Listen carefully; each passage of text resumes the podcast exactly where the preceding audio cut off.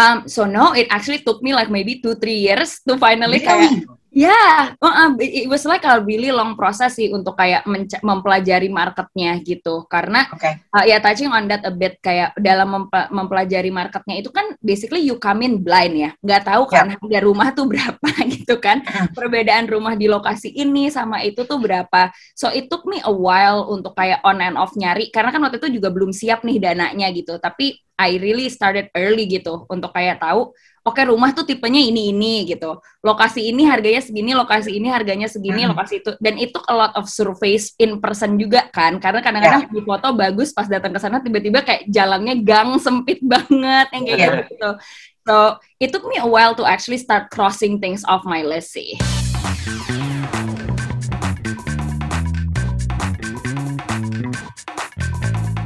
Hey guys, welcome back to Dompet Millennial, a personal finance podcast. Kita ngomongin semua hal tentang savings, investing, dan apaan aja senario-senario yang yang impact dompet kita. Uh, you're always here with Sammy and Samira. Samira, how are you? Hi. Hi, Sam. Gimana? How's your week been? Busy week? Uh, it's so busy. It's like March. Kayaknya I don't think I've gotten any busier, but it's good. It's good. Alhamdulillah. Rezeki itu. yeah. I always like I always think about that. Kat. Is it better to be busy atau atau like the other uh, spectrum? I think it's like if you're in a good mood and you're busy, ya udah let jalanin aja. Tapi kalau misalnya, you know what I mean? Yeah.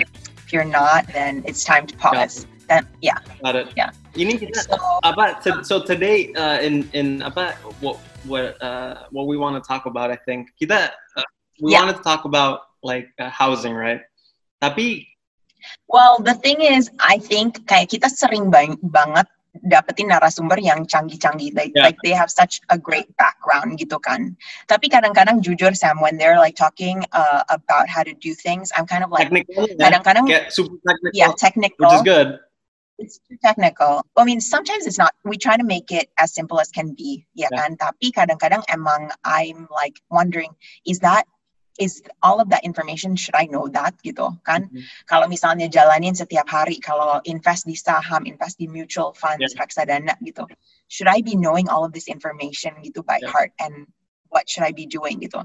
Nah hari ini sebenarnya I'm really excited Sam and um, I think you're excited juga karena it's a long long friend of ours. We've known her for a while. Tapi she's here to tell us a little bit about her experience in buying her first home gitu. And sebenarnya aku uh, ngestok Insta storiesnya dia, terus kayak hijack dia suruh datang ke Dompet Millennial Podcast because I want all of you listeners to know her story juga. So Ardelia, um, we we uh, me and Sammy used to work with her like 10 years ago yeah. Has it been 10 years? Udah 10 tahun ya gila okay I'm getting old. Tapi 10 years ago and now she is the country director of Element Element Inc. And sebelumnya dia uh, di GoPay as head of offline payments. And she's dari dulu I remember she has such an impressive um, background. Like she was top 10 graduates of young leaders of Indonesia. Um, so amazing. And I think that dia sangat salah satu role model juga buat anak-anak muda yang misalnya mau mulai investasi. So you know, I think it's really great kita dapetin um, apa ya expert-expert di industri. Tapi here here we go, like a very ambitious lady yang emang she's gonna tell us how she did it. Jadinya kita semua bisa belajar. Aku juga pengen belajar sih hari yeah. ini. So Ardelia, hi. Yeah, Hi, hi Sammy, hi Samira. How are you? I'm, I'm good. We're good. I feel like I didn't give you uh, justice to your background because I feel like banyak you are. Poin-poin yang nggak dimention di situ pasti. Iya, banyak poin yang dia uh, uh, kayak dia sangat humble. Um, so jadinya kayak last week I saw her Insta stories. Dia udah, you've already bought a house, right? Yeah, so I bought an older house and we are we have actually udah dirubuhin. Uh, sekarang oh, dirubuhin. kita lagi mau uh, sekarang kita lagi mau design and build lagi deh gitu. Jadinya sebenarnya when um, kayak titik kapan yang you were like pengen beli rumah? Kayak has it been like since udah dari kuliah atau kayak first job udah pengen kayak pokoknya aku pengen udah saving buat beli rumah gitu. Kita langsung jump into the details karena I know this conversation gonna be uh, very detailed. Yeah, sure. Um, so aku sendiri sih kayak dari awal, I think uh, I know bahwa aku selalu pengen move out of the house and live on my own as soon as possible gitu. Kayak for me that was really important karena kayak I wanted to kind of just like do it on my own and kayak bener bener-bener tahu sebenarnya kayak sebenarnya how much money do I need to like live alone on my own dan segala macam. Jadinya kayak you know my reality check is a bit quicker gitu. Um which I think kayak beda-beda sih tiap orang kan prioritasnya. Ada yang milih kayak oke okay, tapi tinggal sama orang tua tuh bisa nabung dulu loh gitu which is nggak ada yang salah right? Cuman kayak for me personally kayak that's what I always wanted gitu. So when I choose jobs and I work to get a job, I always keep it in my head bahwa kayak I want to kayak tinggal sendiri yeah. gitu, uh, yeah. and kayak as soon as possible, totally you know cut the ties of financial dependency gitu yeah. kan.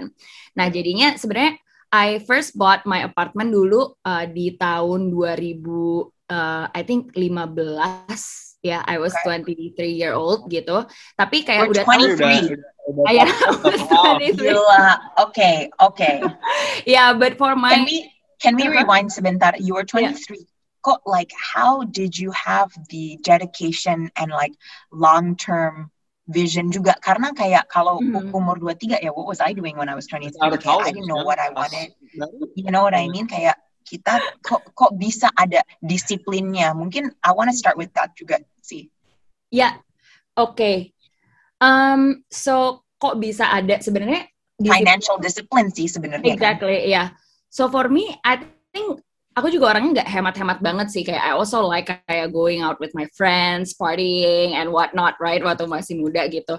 Cuman I I knew that kayak for for me it's also a lifestyle choice that I know was like kayak necessary for me to kayak live alone dan kayak if I successfully manage to kayak akhirnya tinggal sendiri, I know that it's gonna give me so much kind of like not only freedom to like do anything you know but it's yeah. like kayak so much of my life back to me gitu mm-hmm. and kayak that that was what I need to kayak really bikin motivasinya ada gitu sih kayak untuk bener-bener ngelakuin sesuatu tuh kayak for your own gitu kan so it itu waktu buat aku waktu itu kayak motivasi banget to just you know give myself what I feel I need to be successful yes. gitu and so kalau udah kepengenannya kayak gini kan you you really work for it right gitu yeah. kayak um, it's not about kayak oh biar kayak you know dilihat and so and so and so dari luar gitu kan it's more about kayak I know that kalau buat aku mungkin in my case kayaknya kalau tinggal sama orang tua I wouldn't have the the mindset that I want gitu loh tuh kayak really think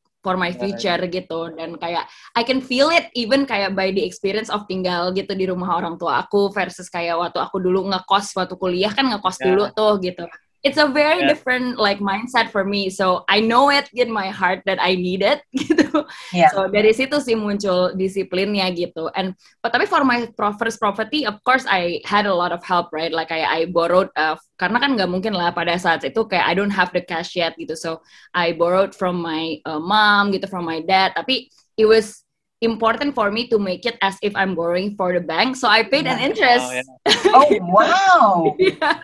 Well, itu pasti your idea. Yeah. Karena for me like kayak there was no point on doing this if, if I still feel financially obliged, right? Gitu. Right. Jadi kayak I just felt like I just need to make it as if kayak gue bener-bener kayak pinjam commercially gitu jadinya ya udah yeah. kayak bener-bener uh, bayar bunga deh ke orang tua. Jadi nggak dependent lagi ya maksudnya the getting that feeling of being independent kayak pas dulu ngekos gitu aku juga inget pas when I was yeah. in college pas apa Samira juga pasti inget lah when you're in college mm -hmm. it's like one of the best times because apa ya bener-bener mm -hmm. sendiri bukan yang nggak enak sama orang tua tapi kayak you're, yeah. you're just on your own. Everything you're responsible for yeah. everything. Um, yeah. Tapi like when you were uh, thinking about apa yang pas property, pernah nggak kepikiran untuk rent atau were you dead on I have to own atau I I like gimana tuh? Was there ever a consideration untuk just renting it? Ya, dulu waktu my first property yang apartemen sih I knew that I wanted to buy karena sebenarnya kayak pada saat itu kayak apartemen yang aku beli itu juga masih uh, it's it's like a lower cost apartemen gitu jadi sebenarnya mungkin kalau sama rent nggak jauh-jauh beda kan aku sayang kan hmm. kalau misalnya hmm. keluarnya sang kos untuk rent gitu tapi waktu transitioning to the second property which is kayak untuk sekarang nih nyari rumah I I I knew that I couldn't do it right away gitu karena memang undertakingnya besar dan karena hmm. aku tahu bahwa a house is not something you easily flip, right? Like an apartment yes. is easier it's gitu. Not liquid at all. Yeah, so I don't want a quote unquote halfway house gitu. Hmm. So kayak I wanted something yang kayak aku tahu kayak kalau aku beli ya KPR-nya aja kan bisa 10 15 tahun, you know. Like I would yeah. wanna live there untuk kayak at least for that duration gitu kan if not longer gitu. Dan in my mindset sebenarnya kayak rumah tuh aku juga nggak kepikiran untuk kayak you know pindah-pindah dan flipping terus gitu sih. Jadi kayak in the middle of the waiting sampai mampu beli rumah yang memang I feel kayak I'm just you know I'm happy to live there for a longer term. Nah, I decided to rent dulu gitu. Cuman ya yeah, I still feel like renting is a sunk cost, right? Gitu.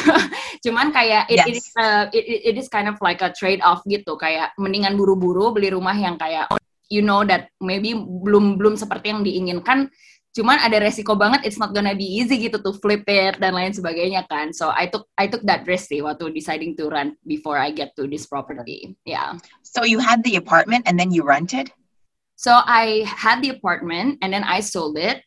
You and then it. kayak after itu aku kos ngekos gitu. Sekarang aku di apartemen hmm. gitu. I, I'm renting yeah. gitu. Sampai kayak sambil nyari properti yang sekarang gitu. Oke okay.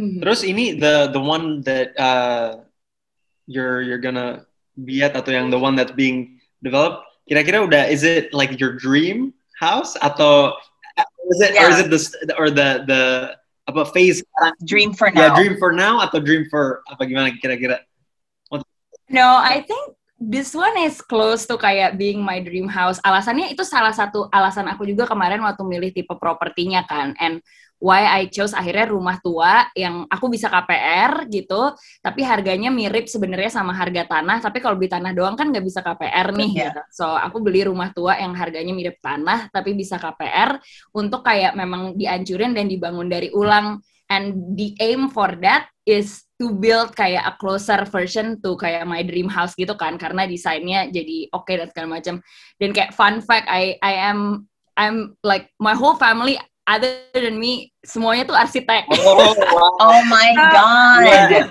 so yeah, they, they they're not designing my house karena I don't want that problem to fight di dalam keluarga kalau nggak suka desainnya. Kayak oh I my think, god. I think it's too risky, right?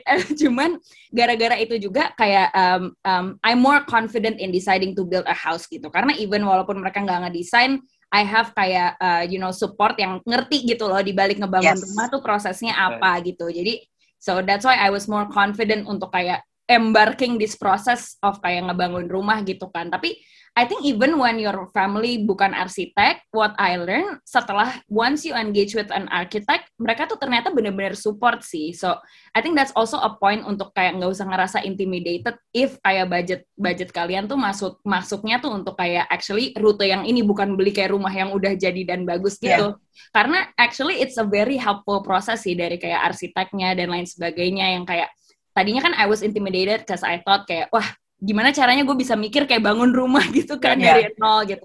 Tapi apparently kayak in the process the architects dan segala macam is really helpful. So I think don't be intimidated by that gitu. That, Karena that's good. So actually you had mentioned briefly kayak sebenarnya banyak tipe that you can yeah. buy. You can buy like uh, rumah udah jadi, tanah kosong. Ada pasti pro and con-nya.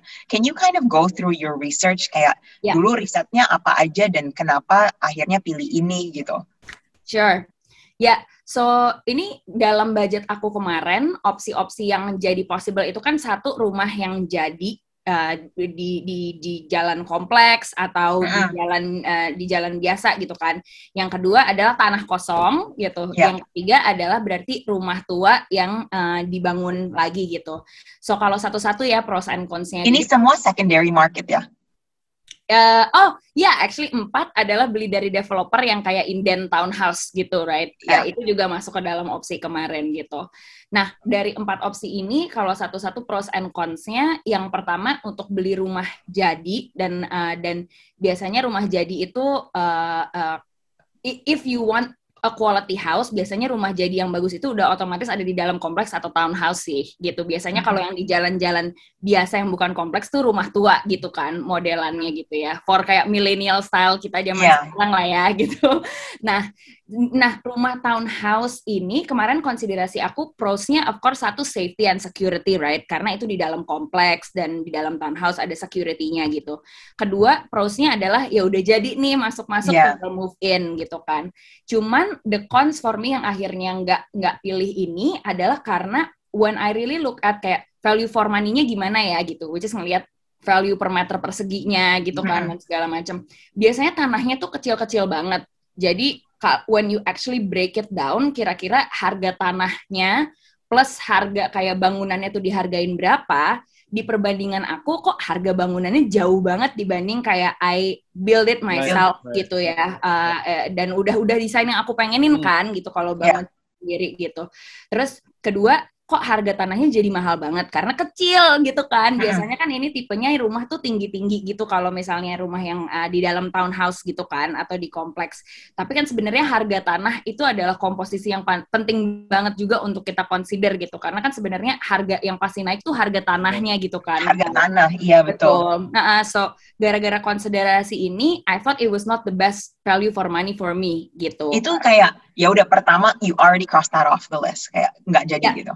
Um, so no, it actually took me like maybe two three years to finally kayak Really? Yeah, uh, it was like a really long process sih untuk kayak mempelajari marketnya gitu. Karena Oke. uh, ya touching on that a bit kayak dalam mempe- mempelajari marketnya itu kan basically you come in blind ya, nggak tahu kan harga rumah tuh berapa gitu kan, perbedaan rumah di lokasi ini sama itu tuh berapa. So it took me a while untuk kayak on and off nyari karena kan waktu itu juga belum siap nih dananya gitu. Tapi I really started early gitu untuk kayak tahu oke rumah tuh tipenya ini ini gitu lokasi ini harganya segini lokasi ini harganya segini Mhm. lokasi itu dan itu a lot of surveys in person juga kan karena kadang-kadang di foto bagus pas datang ke sana tiba-tiba kayak jalannya gang sempit banget yang kayak Iya. gitu so it took me a while to actually start crossing things off my list sih gitu Nah, second, uh, you mentioned lokasi. Sebenarnya kalau misalnya we're we're getting all the cliff notes nih dari Ardel. Uh-uh. Kalau misalnya lokasi di Jakarta, kita ngomongin Jakarta aja because uh, you're you're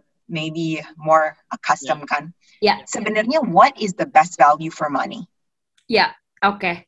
So ini again depend kayak person to person. But for my experience dengan budget yang aku ada kemarin, end up my the best value for money for me adalah untuk beli rumah yang kayak tipenya tuh rumah tua yang aku bisa bangun lagi dan lokasinya itu sebenarnya di Jakarta Selatan in my case gitu.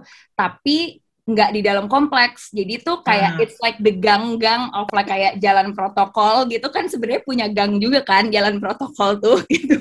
Tapi of course di dalam jalan-jalan gang-gang ini tuh emang ribut gitu kan yang kayak Yeah. berantakan, kayak masih banyak percampuran antara rumah dengan warung atau toko-toko gitulah. It's not kayak udah jadi kayak kayak kompleks gitu kan. Jadi uh, there was that trade off that I made gitu. Tapi for me pri- prioritas aku jelas sih kayak I wanted location to be very like Strategic. very very strategic gitu. And there is no way aku bisa beli di kompleks yang lokasinya strategis gak masuk ke dalam budget gitu. So I did the compromise there gitu. Dan when making that compromise, of course ada banyak kan resiko yang harus di-assess nih gitu kan. Jadi satu kayak soal security, ada ada banyak resiko nggak sih di situ? And we literally called everyone up, like kayak kelurahannya, RT, Ah, ah. RW, kayak kita Ya, no, I think this is very necessary karena kalau agen pasti bohong bisa Nah, dong bisa gitu. bener. So, benar, jadi kayak beneran datang keliling ke RT segala macem, keliling ke tetangga gitu kan, untuk kayak bener-bener ngecek pernah nggak sih ada kemalingan, pernah nggak sih apa gitu, bener-bener nanya ke warga gitu. Dua kayak takut banjir dong, biasanya kan kalau nggak di kompleks resiko utama di Jakarta banjir gitu. Terus kita tanya juga nih ke kanan kiri, we also called everyone up dan ternyata kita learn bahwa oh rumahnya nih baru dibetulin gotnya di daerah ini gitu. So dulu banjir, sekarang udah nggak terlalu banjir lagi, tapi ngelihat semua rumah tertang- tetangga ditinggiin, ya udah kita akan ninggiin juga rumah kita gitu kan. So this risk are there tapi again like you can't win everything right that is like kayak my biggest learning sih in this whole like you can't to compromise. everything iya ada compromise yang harus dibikin jadi harus jelas banget sih prioritasnya tuh apa for me it was location dan dua I wanted a bigger land gitu jadinya akhirnya beli rumah tua gitu kan dan segala macam nah A bigger land tuh kayak sebenarnya what's a big land?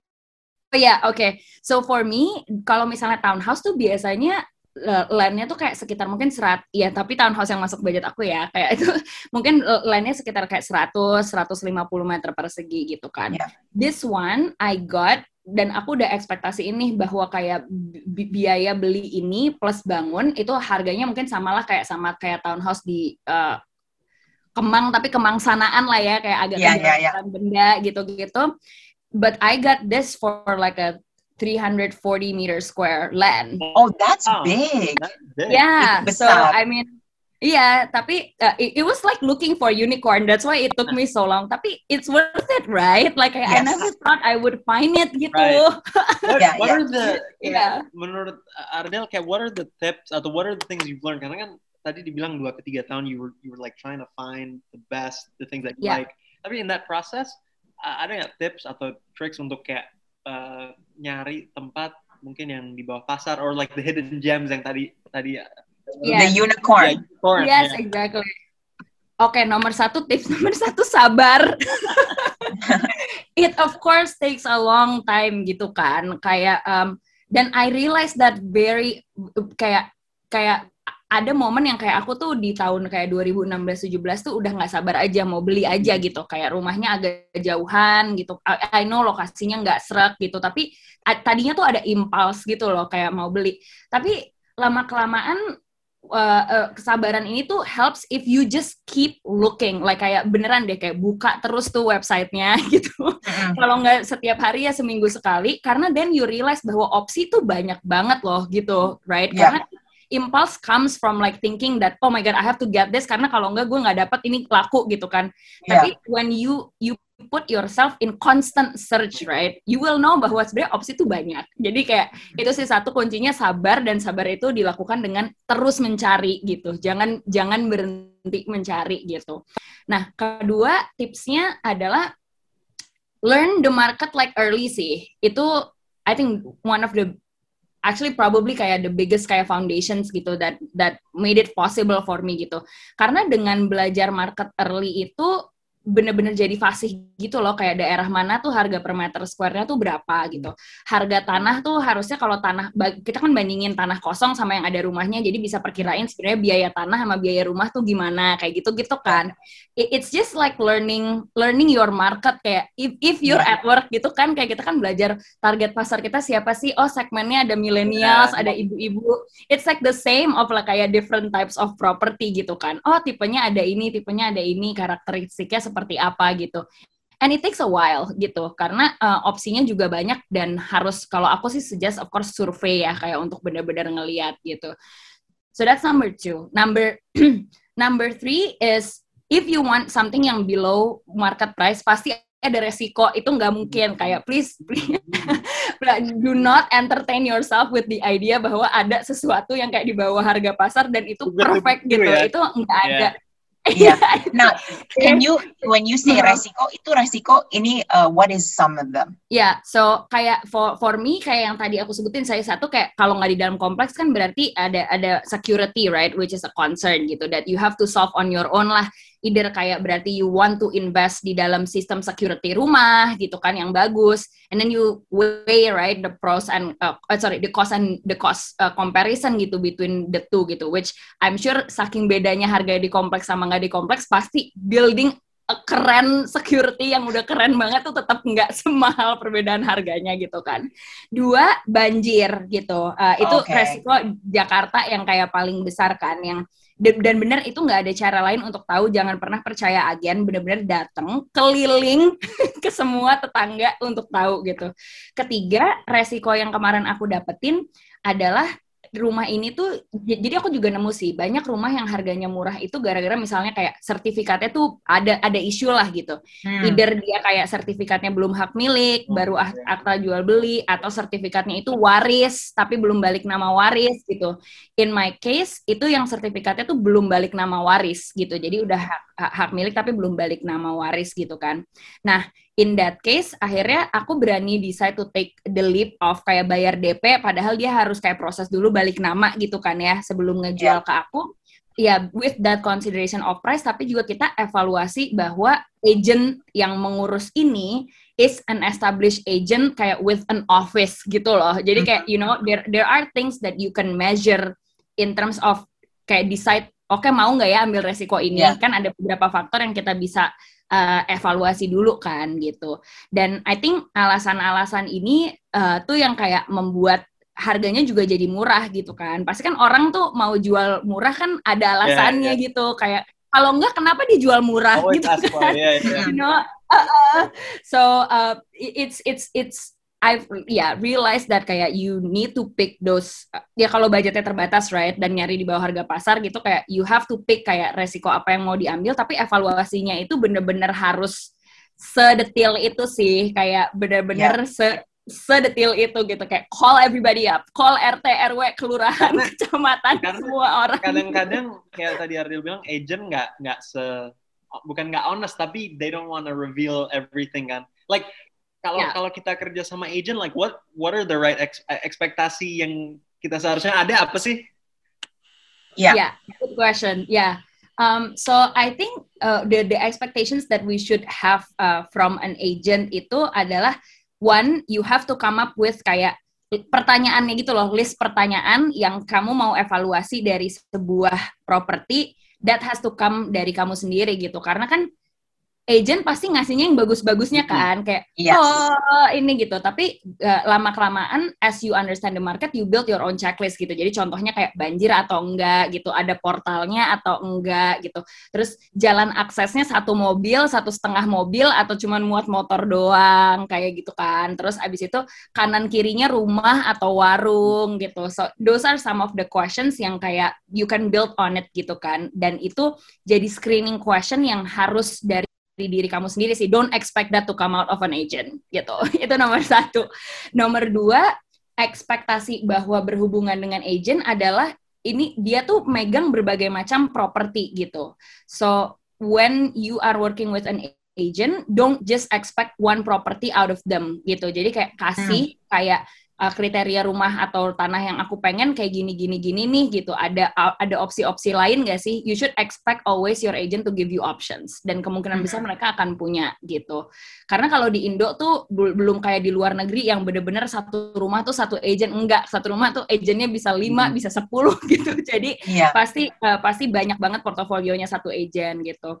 And I think uh, the third part is your agent is not a direct representation, bukan representasi langsung dari penjualnya gitu. Jadi walaupun hmm. agentnya baik, itu belum tentu loh kayak penjualnya tuh juga gitu. So kayak harus ketemu langsung sama penjual berkali-kali ngobrol, kayak small talk, right? Kayak ini I don't know, kalau aku sih personally, even though mungkin itu nggak ngaruh-ngaruh banget ya ke seluruh proses administratifnya, aku percaya banget kayak kalau chemistry-nya dapet gitu ya, terus kayak orangnya kayak kelihatannya niatnya baik gitu, itu pasti mempermudah banget sih proses. Jadi kayak always Iya, betul banget. Uh, uh, always meet the penjual, jangan jangan expect bahwa your agent is a direct representation of kayak penjual kamu gitu. Those are the three key things sih I think untuk mm -hmm. di expect dari agents. Ya. Yeah.